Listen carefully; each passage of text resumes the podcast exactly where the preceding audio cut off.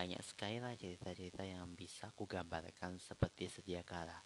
Misalnya cerita pengalaman orang, cerita pengalaman gua diri sendiri, cerita pengalaman review buku, film, makanan segala macam gitu. Tapi kalau ada lukanya sih kayak gua nggak tahu sih ngomongin cerita apa untuk hari ini. Tapi ya memang kayak kepikiran gitu untuk ngomongin soal cerita. Jadi gua cerita ya. Ceritanya ini tentang DM kita di Instagram gitu. Habis itu gue chat-chatan lah sama dia itu. Namanya gue nggak sebutin ya. Ini sebagai privasi aja. Gue bingung. Dalam otak gue kayak mikir kayak kalian pernah merasa nggak sih di alam bawah sadar kita di alam mimpi itu mimpi itu kayak hmm, menjadi kenyataan gitu. Kayak bisa bertemu teman yang udah nggak ada. Jadi temanku ini uh, mi jadi mimpi aku ya mimpi mimpi di sebuah apa temannya tuh di sebuah jalanan gua ada yang bersinar gitu sampai menyilau mataku. Kayak kayak aku gini. Hei teman. Ayo ikut kemari. Ikut juga wah itu sekitar aku seketika aku refleksi itu kayak bangun dari tidur langsung aku cuci muka. Habis itu scrolling lah ke Instagram atau aplikasi apa gitu sampai ia menjadi namanya menjadi bingung gitu. Kok bisa ya teman aku ini udah ada di juga sedangkan aku di bumi gitu. Aneh gak sih? Kayak ngerasa kayak mimpi itu kayak uh, pengalaman yang di luar nara gitu. Tapi kita nggak ngomongin soal ceritanya gitu guys. Tapi kita akan membahas suka duka yang bakal kamu laluin saat menjalani career atau karir di bidang konten kreator misalnya podcaster atau segala macam yang jadi konten kreator ini kan gak gampang loh ya. Tapi pada akhirnya ada banyak hal yang bisa kamu pelajari gitu tentang berkarya gitu. Inilah suka dan duka menjadi konten kreator termasuk podcaster. Memasuki ya serba era digital saat ini ya kita disuguhkan dengan berbagai karya dari para pengiat atau pegiat industri kreatif di dunia maya yang disebut dengan content creator. Content creator itu bisa berupa macam-macam gitu, bisa tulisan, bisa gambar, bisa video, vlog juga, atau bisa pun suara, misalnya podcaster, atau double misalnya.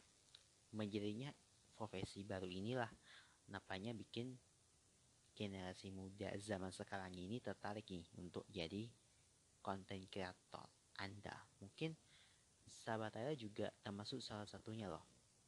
Tapi serupa dengan prosesi pada umumnya gitu. Ada suka dan ada dukanya yang mesti dilalui seseorang saat meneliti karir di konten kreator. Contohnya gitu. Misalnya dituntut untuk selalu update.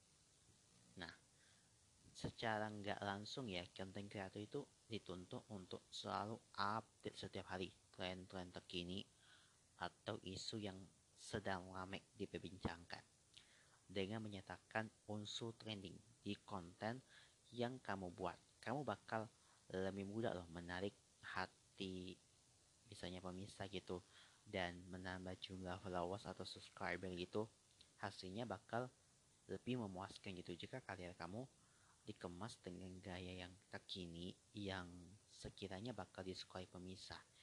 Di sisi lain, membutuhkan atau menentukan topik konten yang pas dengan pembawaan yang tepat pula bukanlah sesuatu yang mudah diwujudkan.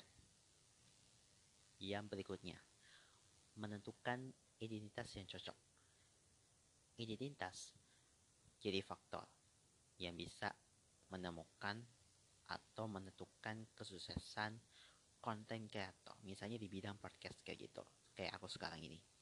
Itu yang bakal jadi penentu bagaimana konten kamu itu dikenal oleh semua orang atau yang lebih membedakan dengan karya konten kreator lain misalnya gitu konten kreatornya si Ata gitu misalnya beberapa juta gitu kan naik terus uh, subscribernya naik terus followersnya gitu kan jadi konten kreator itu yang tampil polisi ini, ini tentunya lebih berkesan di mata audiens kan yang berikutnya dituntut multitasking dan punya beberapa skill khusus. Sudah jadi kewajiban sebagai content creator di audio podcaster menjadi memiliki beberapa skill sekaligus untuk mengunjang pekerjaannya misalnya public speaking, video editing, dan photoshoot adalah tiga skill dasar yang mesti dimiliki content creator yang sebagai pemula gitu kayak aku sekarang. Yang berikutnya, berpikir kritis dan out of the box. Ya, sebagai besar content creator yang punya pengaruh gitu terhadap penggemarnya adalah orang-orang yang berpikiran kritis dan out of the box gitu. Mereka bisa menjadi sosok yang menginspirasi gitu sekaligus menghibur pemirsa atau sahabat Tyler dengan kekreatifannya gitu jika sahabat Tyler termasuk konten kreator pemula gitu tak apa-apa jangan malu gitu teruslah berkarya gitu dan jangan lupa lakukan research dulu sebelum menjadikan konten sebagai akhirnya kamu dapat berpikir krisis sekaligus kreatif. Yang berikutnya berkarya adalah prioritas. Berkarya gitu. Berkarya itu adalah hal yang membuat posisi konten kreator begitu nyaman dijalani gitu. Meski awalnya sulit, semua itu akan berbuah manis saat karya kamu dinikmati masyarakat luas. Dapat banyak like, komentar positif, follower, subscriber baru, dan Google Ads. Yang terpenting adalah bagaimana kamu menjaga motivasi dan komitmen yang udah kamu bangun sejak awal. Yang terakhir ini lebih bijak dalam mengaspirasi dalam suatu karya. Ya kalau kamu tuh termasuk orang yang sering berkarya dan memahami sulitnya menghasilkan karya yang bagus, nantinya kamu itu akan bakal lebih mengaspirasi karya sendiri maupun karya orang lain. Kamu bakal lebih mudah menemukan ide-ide cemerlang untuk bikin konten baru selanjutnya. Itulah suka dan duka yang bakal kamu lalui sebagai konten kreator, apalagi di bidang podcaster tentunya ya kan. Dan satu hal lagi yang paling wajib dimiliki adalah konten kreator adalah koneksi internet. Nebut. Nah, supaya aktivitas lancar gitu kan yang harus punya ada paket kan untuk bisa mengaktifin semua aktivitasnya.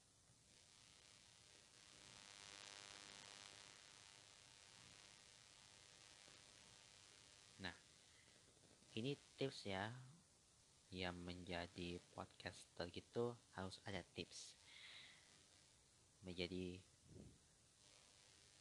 podcaster pemula gitu. Oke. Nah.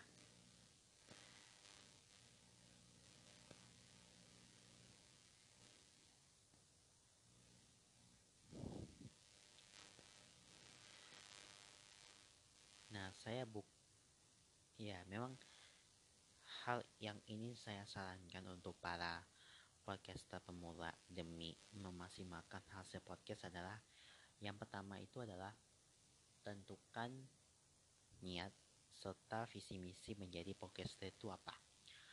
Lalu pastikan sudah ada rencana atau rancangan kamu mau bahas apa gitu. Siapa bintang tamu kalau ada? Apakah sudah ada alat rekam atau lingkungan yang memadai? Bagaimana format podcastnya gitu? Apakah akan direkam dalam video kah atau hanya audio kah gitu? Apakah akan diunggah di semua platform digital, ya kan? Jika merekrut editor, berapa biaya yang diperlukan? Jika butuh marketing, berapa biayanya dan sebagainya. Yang berikutnya, tips yang kedua adalah pastikan kamu punya alat rekam yang menghasilkan suara rekaman itu cukup baik, jernih, dan jelas artikulasi suaramu. Bahkan ponsel pun cukup untuk merekam gitu kadang saya menemukan kadang saya melakukan voice over di ponsel yang satunya lagi itu tetapi mengadakan aplikasi smart voice recorder yang sebelumnya sudah tial atau error gitu ya.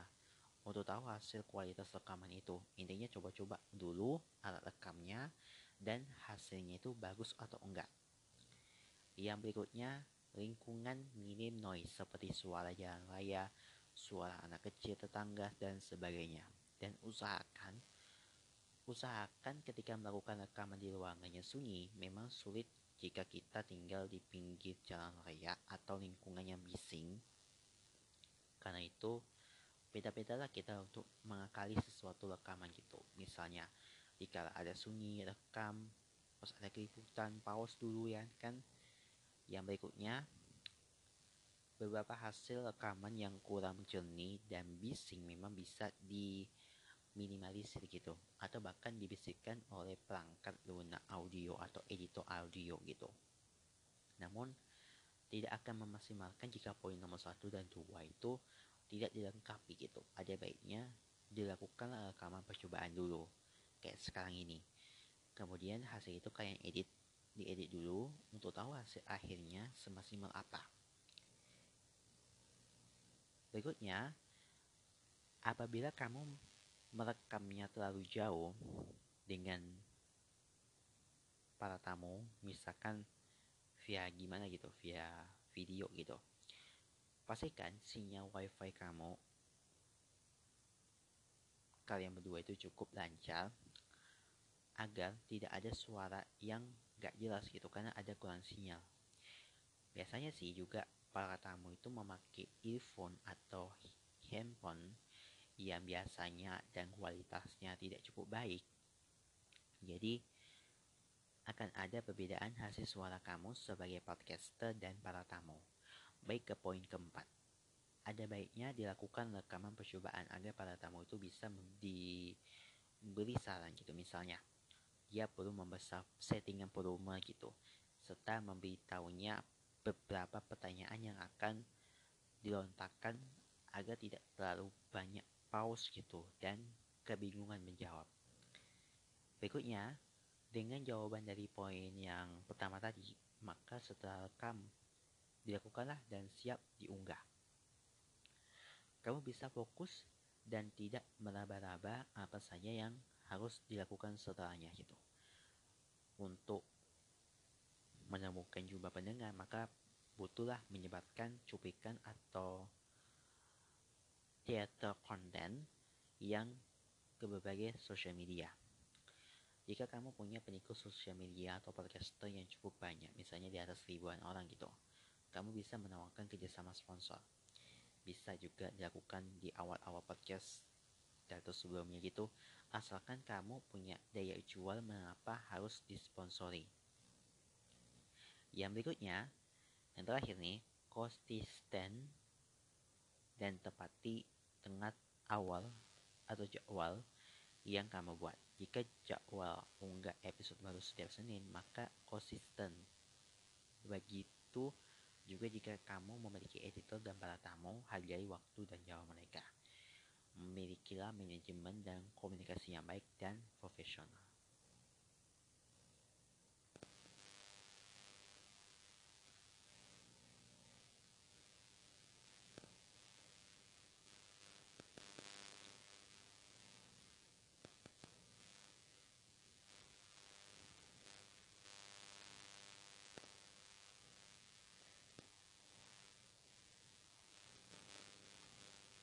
Banyak juga sih yang menjadi pemulaan podcast itu memang ada sukanya dan ada juga dukanya gitu.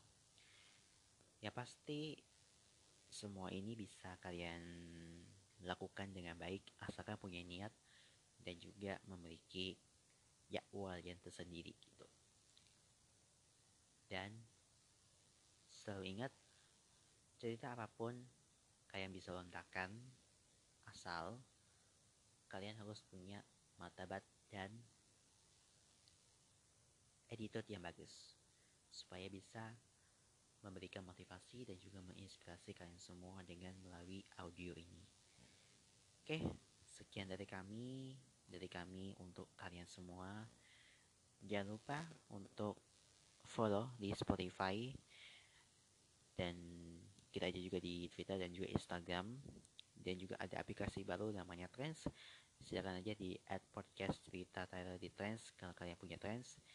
Tapi kalau nggak ada bisa kalian cari di Twitter dan juga Instagram kami di podcast cerita Tyler saya mereka sebuah pamit dan teman saya yang juga lagi tidur dulu ya.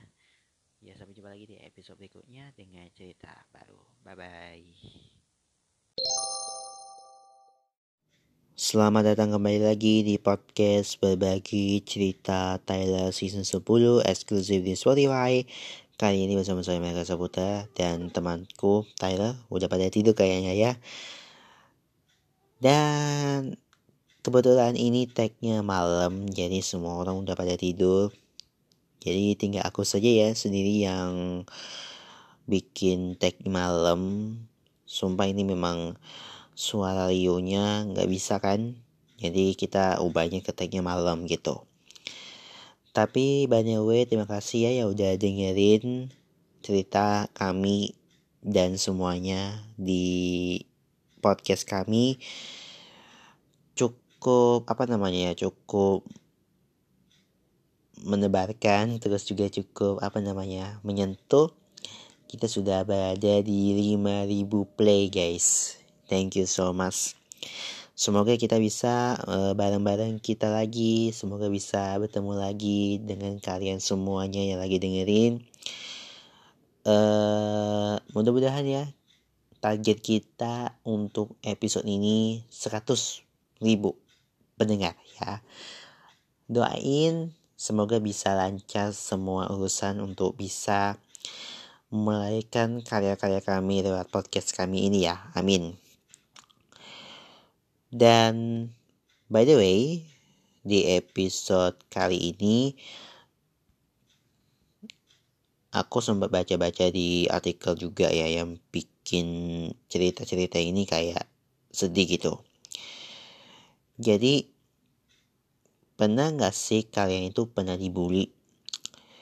Ya memang eh, cerita suka nggak suka ini bully ini nyatanya kini masih tetap terjadi ya, tidak hanya di Indonesia.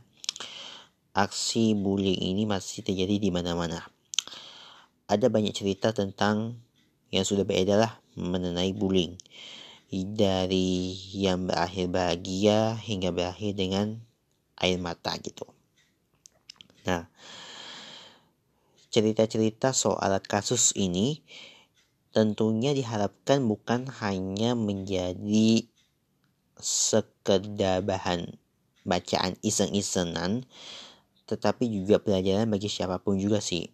Karena pernah ada satu baca artikel jadi korban bully ini surat terakhir gadis 15 tahun bikin sedih. Jadi setidaknya ini itu juga yang diharapkan oleh seorang ibu yang anaknya menjadi korban. Dia bernama Linda Travan. Anak gadisnya yang cantik secara sadis. Dia tuh mendapatkan bully. Bukan cuma itu, lebih parahnya lagi, anaknya Lida, Kensley Stefan itu diperkosa oleh dua orang remaja secara bergantian. Dalam sebuah postingan, Lida Linda ini menceritakan kisah anaknya tersebut. Dan tulisan itu diberi judul Bullying Kill My Child. Bukan hanya sekedar kiasan, tapi anaknya yang cantik itu memutuskan untuk mengakhiri hidupnya setelah tak tahan dengan semua perkataan teman-temannya yang hobi membuli gitu. Jadi kisah Casterly Tevan yang masih berusia 13 tahun asal Melbourne, Australia ini pun langsung viral. Sekolah memang bukanlah menjadi tempat yang nyaman bagi Casterly ya. Di sekolah tersebut Casterly itu selalu diejek oleh teman-temannya gitu. Tak hanya di sekolah, aksinya pun berlanjut hingga Casterly pulang ke rumah. Ia selalu meminta telepon gelap gitu kan. Banyak orang yang tahu cerita tentang pelakuan yang diterima Cassidy itu. Tapi hampir semuanya itu diam dan tidak ada yang membantunya gitu. Nah, jadi diceritakan oleh Rida ini peristiwa yang tidak mengenakan itu terjadi saat Cassidy berusia 13 tahun. Jadi berbagai teman-teman atau berbagai hal terima oleh Cassidy dan teman-temannya ini dimulai dari ditampal lah, dikata-katai oleh di media sosial lah, hingga rumahnya itu yang dilempari oleh kulit pisang guys. Gara-gara yang sering dibully inilah Cassidy pun sempatnya itu tidak ingin sekolahnya lagi gitu. Jadi sekolah itu baginya itu seperti neraka gitu. Tapi setelah dibujuk akhirnya ia mau berangkat ke sekolah, para pelaku bullying ini pun saat itu langsung meminta maaf. Ya, pelaku bullying ini saat itu langsung meminta maaf. Seperti ingin menjalin sebuah hubungan yang baik, para pelaku ini mengajak Cassidy untuk pergi nontonlah ke sebuah konser musik. Tapi ternyata itu adalah sebuah jebakan guys. Cancer ini dibawa ke sebuah rumah. Di rumah tersebut, Cancer sudah ditunggu oleh dua anak laki-lakinya. Ada dua anak laki lelaki dewasa yang tidak dikenal Charles. Dua teman perempuan Charles ini menganti saat Charles diperkosa oleh dua anak lelaki itu. Nah, usai kejadian ini, Kensin ini tidak memiliki keberanian untuk melaporkan pada pelaku ini. Hidupnya ini penuh dengan rasa takut dan tekanan yang teramat berat gitu. Dan selama dua tahun setelah kejadian setidaknya Cassidy dan Linda ini telah bertemu dengan detektif dari Victoria Forest Sexual Office dan Child Abuse Integration Teams sebanyak 20 kali guys. Kensri menyerah 12 Desember 2015 ia melakukan bunuh aksi bunuh diri ini. Ini menjadi surat terakhir korban bully yang mengisati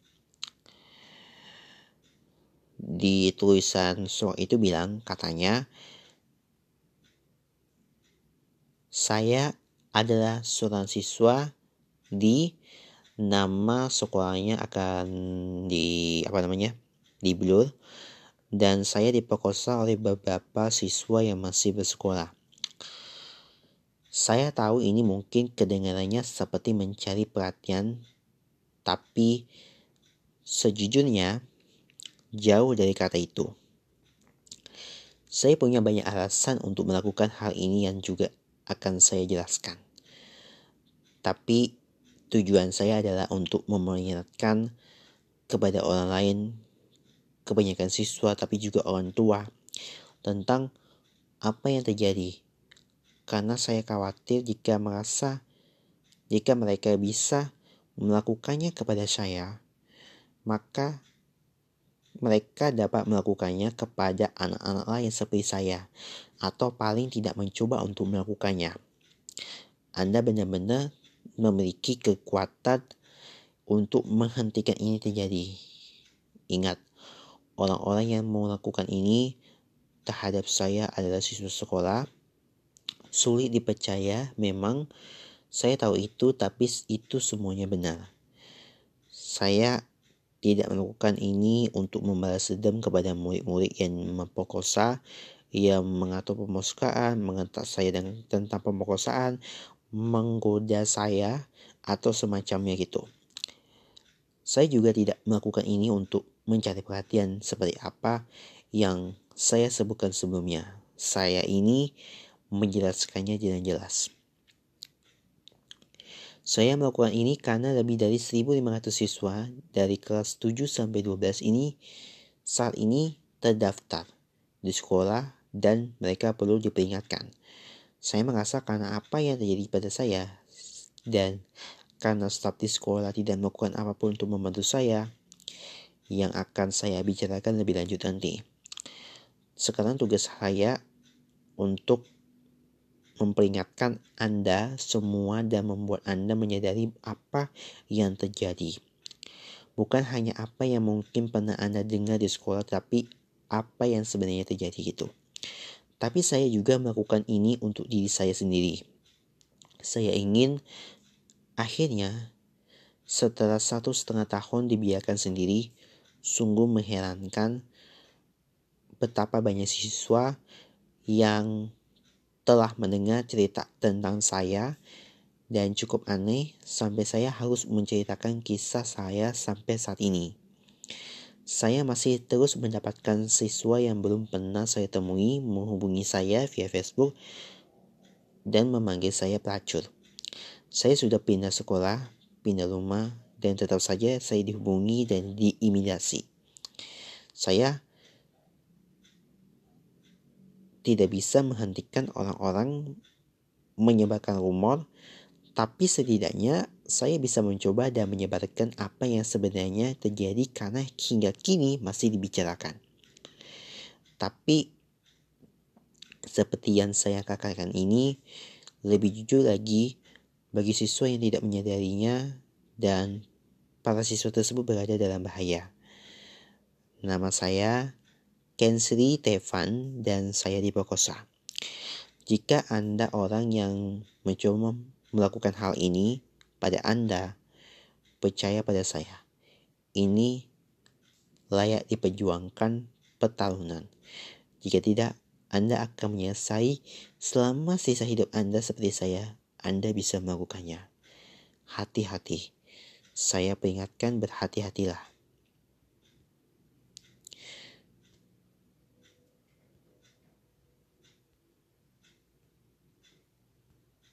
Oke, kita lanjut.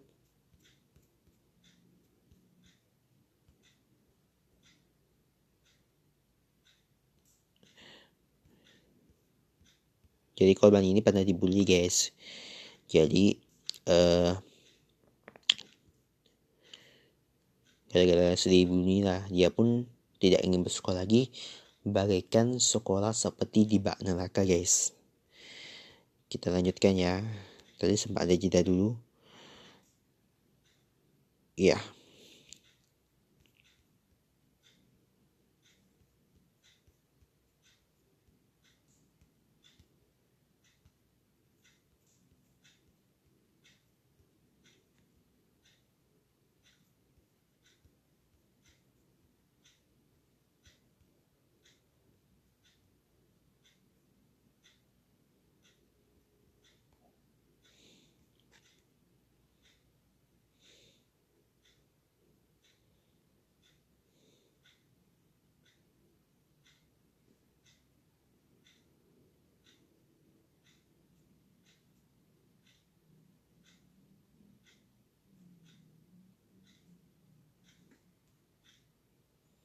Oke itu tadi ya. Jadi ini adalah surat terakhir gadis 15 tahun bikin sedih. Artikel ini dibuat pada 18 November 2017. Selanjutnya, eh, ada juga di kisah sedih dari Kuadan Balas anak korban bully yang menangis histeris jadi seorang anak bernama Kuadan Balas 9 tahun menangis histeris di dalam mobil saat sedang ibunya ini menjemput dari sekolah. Dia berkata, Give me a love, I want to kill myself. Ungkap bocah itu dalam sebuah video yang diunggah sang ibu di Facebook. Jadi, Quaden mengungkapkan keinginannya ini untuk bunuh diri. Dia berkali-kali meminta kepada sang ibu untuk memberikan tali agar ia bunuh diri gitu. Pisau agar dia bisa menusuk tepat di jantungnya. Dan eh, dia juga menangis ketika mengatakan, Aku ingin seseorang membunuhku. Sang ibu, Yaraka, sengaja mengunggah video tersebut agar para orang tua bisa mendidik anak-anak mereka untuk tidak melakukan perundungan. Dan pada 5, 5 menit video awal video tadi, itu Beres menyatakan, saya baru saja menjemput anak saya dari sekolah. Ia kerap mendapatkan perundungan terus-menerus. Saya telah menghubungi kepada sekolah dan saya ingin orang-orang tahu inilah akibat dari perundungan. Inilah yang dilakukan para pelaku perundungan. Jadi, ya kala ini juga meminta agar para orang tua melalui videonya mampu mengedukasi anak-anak Anda, keluarga, dan kawan-kawan Anda karena itu yang dibutuhkan dan Anda akan bertanya-tanya mengapa banyak anak ini bunuh diri gitu. Selama ini, Yaraka Bales selalu menyimpan tangis sang anak sebagai suatu hal yang bersifat vivasi. Namun kali ini ia memutuskan untuk membagikannya kepada publik agar pelaku bulinya ini tidak terjadi lagi. Quantum Balance kerap mendapatkan perundungan kepada kondisi Phipps yang dialaminya. Jadi dia merupakan suatu kelainan yang dialami oleh seseorang sehingga tinggi badannya ini berada di bawah rata-rata ukuran manusia lain. Ini bukan pertama kali ya guys. Ya Beres ini mendapatkan hinaan terhadap anaknya gitu. Sebelumnya, seperti dilansir dari Daily Mail Australia pada 2015, Beres ini mengunggah video Quaden saat, saat sedang melakukan berbagai ekspresi dan mimik wajah di depan cermin di sebuah rumah sakit di Bimbes, Australia. Video itu kemudian banjir dengan beberapa kehinaan terkait dengan kondisi anaknya dan bahkan ada seseorang yang tega menyatakan itulah yang terjadi jika Anda mengkonsumsi obat-obatan saat hamil gitu. Dan dia cukup membuat balance terkejut. Sungguh berlebihan saya mengunggah video di laman pribadi saya dan tidak berharap akan dipakukan dengan semakin lupa gitu. Dan video itu dibagikan beberapa kali dari laman pribadinya dan sejak itu beberapa komen negatif bermunculan. Kepada media, ia mengaku membagi video anaknya berekspresi di depan cermin adalah wujud rasa bangganya atas pencapaian sang anak sehingga membuatnya ingin untuk berbagi kebahagiaan itu. Jadi tidak ada seorang pun yang ingin dengar hal buruk tentang anak mereka atau ketika mereka mengalami perundungan.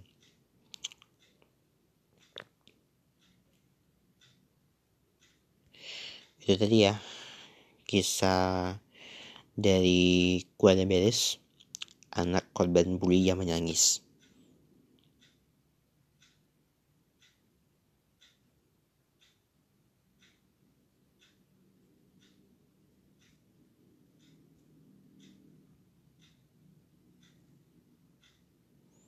Oke. Okay.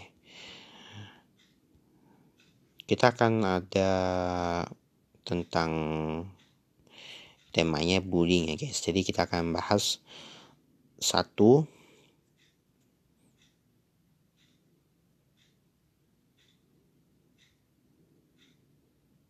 Nah,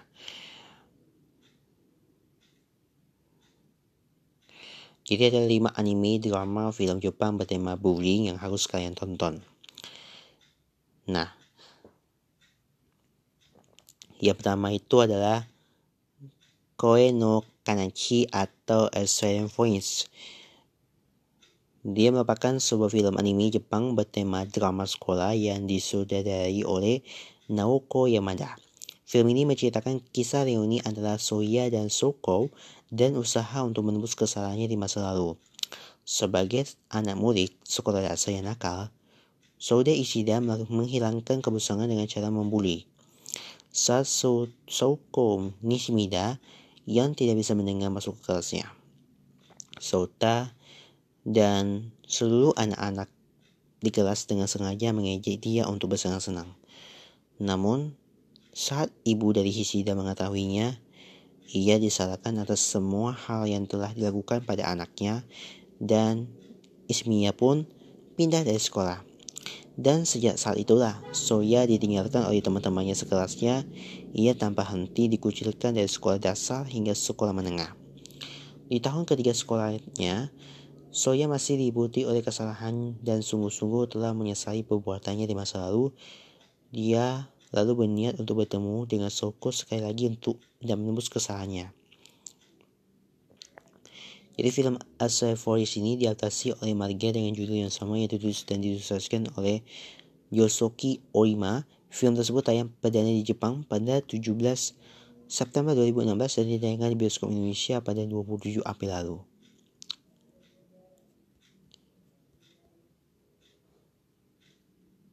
Oke, okay yang rekomendasinya Alzheimer Voice ya. Dan itu tadi panjangnya ceritanya ya. Jadi membuat kita merasa sedih banget. Dan apa namanya ya?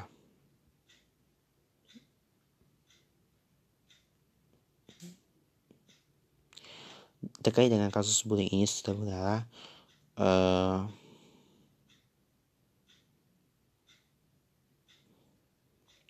terkait dengan kisah dari cerita dari tadi itu uh,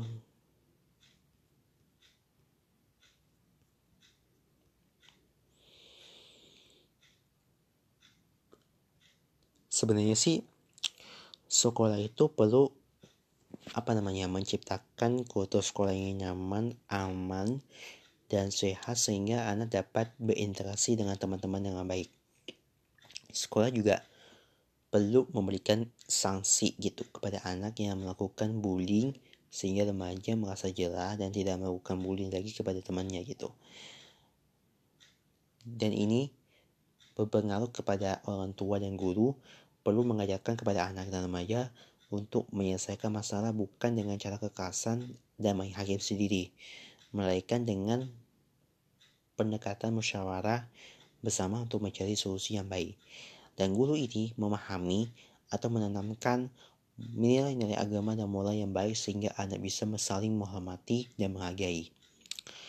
Guru ini melakukan pendekatan konseling kepada anak yang mengalami bully sehingga anak remaja ini tidak memiliki trauma trauma berkepanjangan, minder dan takut untuk bersosialisasi dengan orang lain. Oke, itu tadi ya pesan-pesan dari kami dari kami untuk untuk kalian semua yang lagi dengerin. Thank you banget yang dengerin. Sampai jumpa lagi di episode berikutnya. Kali ini aku akan menceritakan sesuatu yang berjudul My Boy Will Glennis. My Boy Will Glennis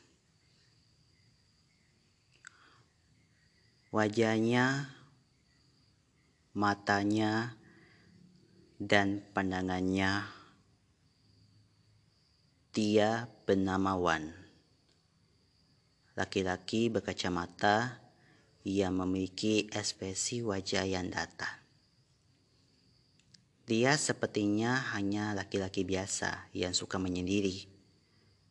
Tapi jika kalian semua jadi aku kalian akan langsung jatuh cinta ketika melihat wajahnya saat pertama kali. Iya, namaku adalah Azayakana Megumi. Aku jatuh cinta padanya. Seketika dia menjadi tipeku.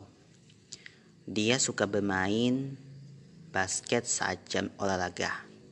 Bahkan saat ia memiliki waktu luang walau tidak sering, aku sangat suka memperhatikannya. Ketika kelasnya sedang jam olahraga, Aku langsung melihatnya dari jendela kelasku sambil tersenyum.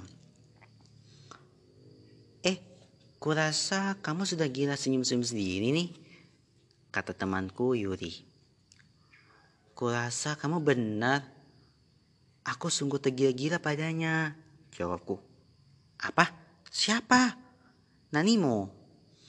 Lalu hari pun berlalu ya. Berlalu begitu saja, aku tak pernah berkomunikasi dengannya karena aku tidak berani menegurnya. Walau ujian akhir pun hampir dimulai ujian penentuan kelulusan, kami pun harus bersiap-siap untuk itu dan memulai jam tambahan. Kelas kami pun berpencah sesuai dengan pelajaran yang dipilih. Aku memilih geografi ya agak jauh dari kelasku yang lama tapi aku suka kelas itu karena dia Yamazaki Wan kelasku dan kelasnya berjarak dekat yang membuatku bisa selalu melihatnya bahkan dari celah pintu ternyata dia mengambil pelajaran kimia pelajaran yang sangat menyulitkan Aku jadi lebih sering memperhatikannya bahkan sampai beberapa kali dia mengikutiku. Aku malu tapi aku juga senang. Kurasa dia tahu kalau aku sering memperhatikannya. Hei, kata Wan padaku. Iya, aku terkejut melihatnya di dekatku. Kenapa kamu selalu melakukan itu?